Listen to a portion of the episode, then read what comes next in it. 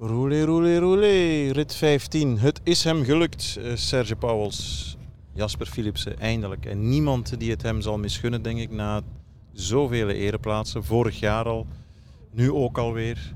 Ja, We hebben klopt. het meermaals aangehaald. De druk op zijn schouders door het uh, wegvallen van Mathieu van der Poel.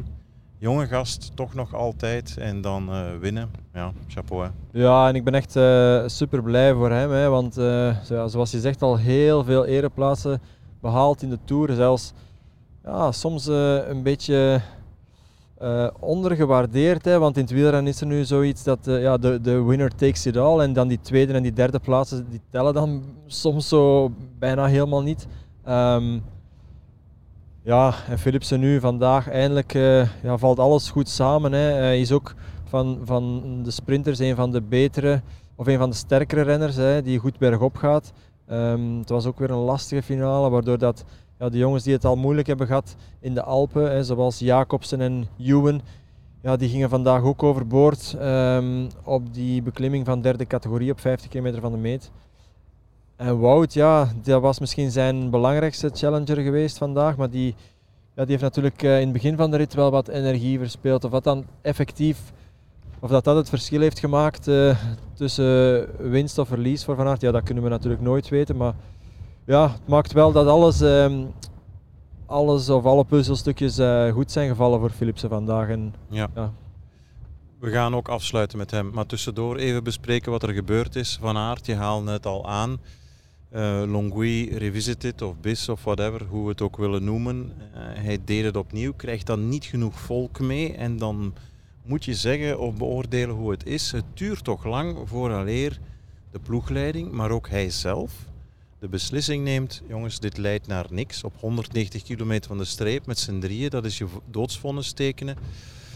Hoe komt dat? Van binnenuit in het peloton beschrijf je dat eens. Want je kan ook zeggen, de ploegleiding roept hem niet tot de orde. Nee, maar Van Aert zelf ja, blijft ook doorgaan. Hè? Dat klopt, ja. Hij heeft daar natuurlijk ook een keuze. Um, en en ik, hij zal ook wel overlegd hebben. Ik weet niet goed ja, hoe het daar gelopen is, maar we, het is een feit dat het inderdaad toch redelijk lang geduurd heeft. Hè. Um, ik denk dat die ontsnapping bijna 45 à 50 minuten voorop heeft gereden. Natuurlijk, ja, de eerste 5 of 10 minuten, als die kloof nog minimaal is, ja, dan ga je natuurlijk niet je benen stilhouden. Maar ja, dan kan je toch zeggen dat het na een kwartier wel duidelijk was dat die drie ja, uh, de vrijheid kregen van het peloton. Hè. Dat, uh, dat in het peloton uh, de remmer opging en dat die voorsprong opliep. Ja, dan moet je toch ergens als ploeg of als, als renner kunnen ja, die situatie inschatten. Dat hebben ze uiteindelijk ook wel gedaan natuurlijk. En ik denk, ja, ze, hebben, hadden zeker hun, les geleerd na Longwy. Alleen ja, zat er toch wel een beetje vertraging op die beslissing, hè, vonden we. Is dat alweer energie die uh, Van Aert verspeelt? Met het oog op een belangrijke laatste toerweek voor Vinegaard? Wel, ik, ik denk dat hij uh, zodanig goed is dat hij ja, zijn benen niet voelt en dat hij ja, niet voelt dat hij afziet en dat hij energie verspilt mogelijk. Um, maar mijn aanvoel ja, is toch dat ze bij Jumbo-Visma niet altijd um, hem de vrijgeleide geven op de juiste momenten. Oké, vandaag had inderdaad wel een, een rit kunnen zijn waar de ontsnapping voorop kon blijven, maar dan niet met drie man. Hè. Dan, moeten ze, dan moest er ja, een man of twintig voorop gereden hebben en dan konden zij voorblijven. Ehm, maar dan bijvoorbeeld de rit uh, afgelopen dinsdag naar Megève, ja, daar mocht Wout dan duidelijk niet uh, in ontsnapping gaan. En dat vond ik dan persoonlijk voor hem een betere kans om, om de rit te winnen. Dus ja, het is niet gemakkelijk hè, als uh, iemand als hem. ik kan me ook, ja, ik kan het me bijna niet voorstellen hoe goed dat, hij, hoe goed dat hij zich voelt. Um, ja, en dat is duidelijk hè, dat hij dan ja, daardoor bepaalde keuzes maakt die, ja, die misschien niet altijd de juiste zijn een pechdag, een totale pechdag moet je zeggen, met dan de gele trui die plots valt om god weet welke reden. Kruiswijk naar huis, Roglic niet gestart. Ja, je zou voor minder zenuwachtig worden, ook al sta je nog altijd 2-22 voor. Ja, het leek op een gegeven moment wel alsof de duivel ermee gemoeid was. Hè. Um, Roglic die vanmorgen niet startte, um, waarvan ik zei, ja, dit is een beetje een ongelukkig moment om uit de koers te stappen. Al wil ik niet uh, ja, zijn blessures zeker niet minimaliseren en weten we ook niet uh, ja, wat er allemaal speelt. Maar ik zou toch altijd geprobeerd hebben om door te rijden tot aan de rustdag. Hè. Zeker gezien vandaag. Hij had in principe geen, uh, geen kopwerk moeten doen. Kon gewoon meerijden in het peloton. Ja, gewoon. Oké, het is uh, wel 200 kilometer en, en 40 graden. Maar als je dan achteraf ziet, ja, um, Kruiswijk die ten val komt. Ja, Roglic kan je niet meer terug in de koers brengen natuurlijk. Um, ze, zijn een mannetje, ze hebben een mannetje minder. Ook Ties Benoot is tegen de grond gegaan. Dat zag er toch ook even niet zo goed uit. Ik hoop dat hij in elk geval wel nog uh, kan starten op, uh, op dinsdag. Ja, zo ben je wel um, ineens twee op zeven renners minder uh, sterk. En ja, dat is meer dan 25% om, om Vingegaard te ondersteunen. Verwacht jij dat er iets gaat gebeuren de komende dagen vanuit het kamp van de Emiraten of niet? Of is dat te zeer hopen op iets dat niet komen gaat? Maar ik zie geen reden waarom dat ze het niet zouden proberen. Hè. Um, ik denk dat Pogacar sowieso op zijn minst strijdend ten onder wil gaan. Um, en hij heeft ja, eigenlijk nog drie kansen om, uh, vier, uh, drie kansen bergop om Vingegaard tijd aan te smeren. En dan natuurlijk is er nog die, die tijdrit. Dus okay, ik zou liever in de situatie staan uh, van Vingegaard, maar het is toch nog zeker een uh, open strijd, denk ik, voor die laatste week. Nog dingen vandaag die zijn bijgebleven, opgevallen? Of ja, dat was op zich al meer dan genoeg. Benjamin Thomas, we mogen die jongens zijn naam in onze podcast ook een keertje noemen, want dat was een strafnummer in de finale. Ja, en uh, ik, ik, voelde het zo toch wel aankomen. Die mannen zijn vertrokken op, wat was het, een kilometer of 40, 50 van de meet. Hè. Toch redelijk ver op de top van die laatste beklimming. Thomas die eigenlijk op dat moment gewoon de, de bergpuntjes wilde wegkapen voor zijn ploegmaat Geske, die op dat moment gelost was uit de groep. En uh, Goujard die daar naartoe reed en op die, op die manier uh, ja, verworven zijn een voorsprong van ongeveer een halve minuut. En die hebben ze toch heel lang vastgehouden. Ten meer omdat dat achterin alle renners die, uh, ja, die in dienst reden voor, voor de sprinters, dat die stilaan opgesoupeerd raakten. En dan was het eigenlijk ehm, ja, onder impuls van Ineos, Um, die denk ik reden om, om de boel op de kant te trekken, om een waaier te trekken, dat um, uiteindelijk uh, Goujard en uh, als laatste man ben, Benjamin Thomas werden, werden ingelopen. Maar zonder die move van uh, Ineos wil ik het wel nog eens gezien hebben, want Thomas die werd echt maar in de laatste kilometer gegrepen. Hè. Jasper Philipsen dan, als je uitgebreid artikels over hem leest, er zijn weinig mensen in zijn jeugd geweest die geloofden dat hij een profcarrière kon uitbouwen. Het was niet het grootste talent. Maar kijk nu eens waar hij staat.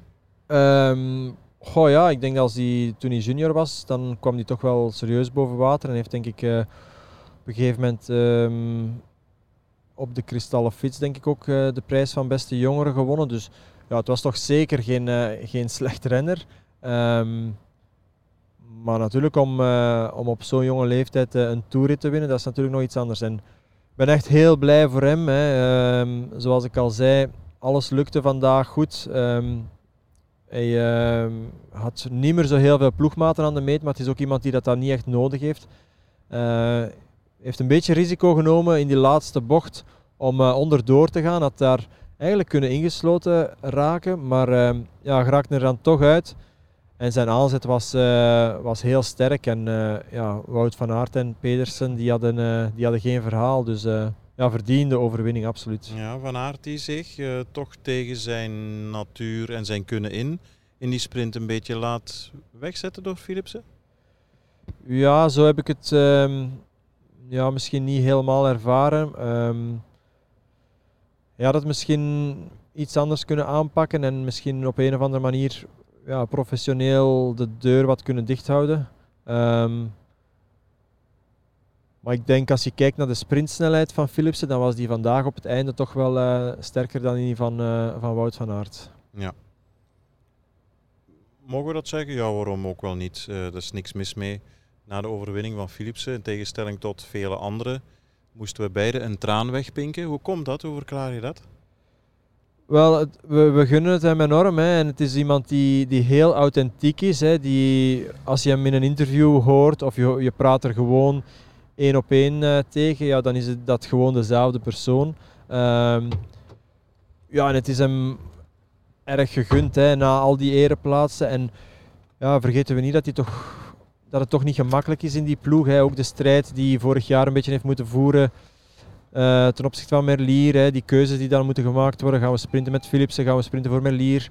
Ehm, heeft er ook voor gezorgd dat, uh, dat Merlier zijn toerit heeft gewonnen vorig jaar. Maar is voor een sprinter toch niet eenvoudig hè, om zijn eigen kansen op te offeren voor een andere sprinter. Dus daarom, al die dingen komen samen. En, ehm, en ik denk dat, uh, ja, dat heel het peloton en heel de wielerwereld het hem ja, van harte gunt. Ja. Een testreeks vermoeden we, dat was toch het eh, plan. Voorlopig niks van gezien. Toch niet zoals me in Châtel meteen na de aankomst. Verwacht jij nog meer positieve gevallen? Vandaag Magnus Kort uit de wedstrijd moeten stappen met COVID. Simon Clark, eh, Bargiel hebben we gehad, Oliver Nase. Ja, wat denk je? Ja, ik heb daar weinig zicht op. Ja, natuurlijk uh, zit die kans erin. Um, maar we gaan het pas uh, morgen of overmorgen weten, denk ik. Hè. Ik hoop natuurlijk van niet en ik hoop zeker niet ja, dat het gaat om, uh, om grote namen. Hè. Ook al uh, is dat voor iedereen even erg, maar het zou toch wel bijzonder jammer zijn mocht een van de ja, twee klassementsmannen, de twee belangrijkste uit, uitdagers voor het eindklassement, mocht een van die jongens positief tekenen. Dat zou ja, dat zou een, een volledige anticlimax zijn natuurlijk uh, voor deze Tour. Dat is waar. Morgen rustdag, wat ga je doen? Ik ga fietsen waarschijnlijk hè, met jou, uh, Christophe. We gaan uh, een verkenning doen al van de rit van overmorgen. Muur de rit de naar Beguer. Muur de Beguer. Ik, ik ken die aankomst. Tenminste, die laatste beklimming en dan ook de aankomst richting Foix. In 2017 reden we daar al naartoe. Hele korte etappe toen, 102 kilometer. Juist, juist. Een van de lastigste ritten. Full gas van start tot finish. Maar was wel een van mijn betere dagen in de koers. Um, ik denk dat ik daar dertiende of zo was. Maar het was echt uh, ja, full on van in de start. Uh, mannen zoals Quintana, Contador die wegreden. Um, Bargil won de rit denk ik. En ik zat ja, in een achtervolgende groep. Uh, maar hele, hele intense klim, stijl. En dus een kans voor Pogacar om uh, de gele trui te bestoken. Voilà. Maar eerst een avondje in uh, Carcassonne.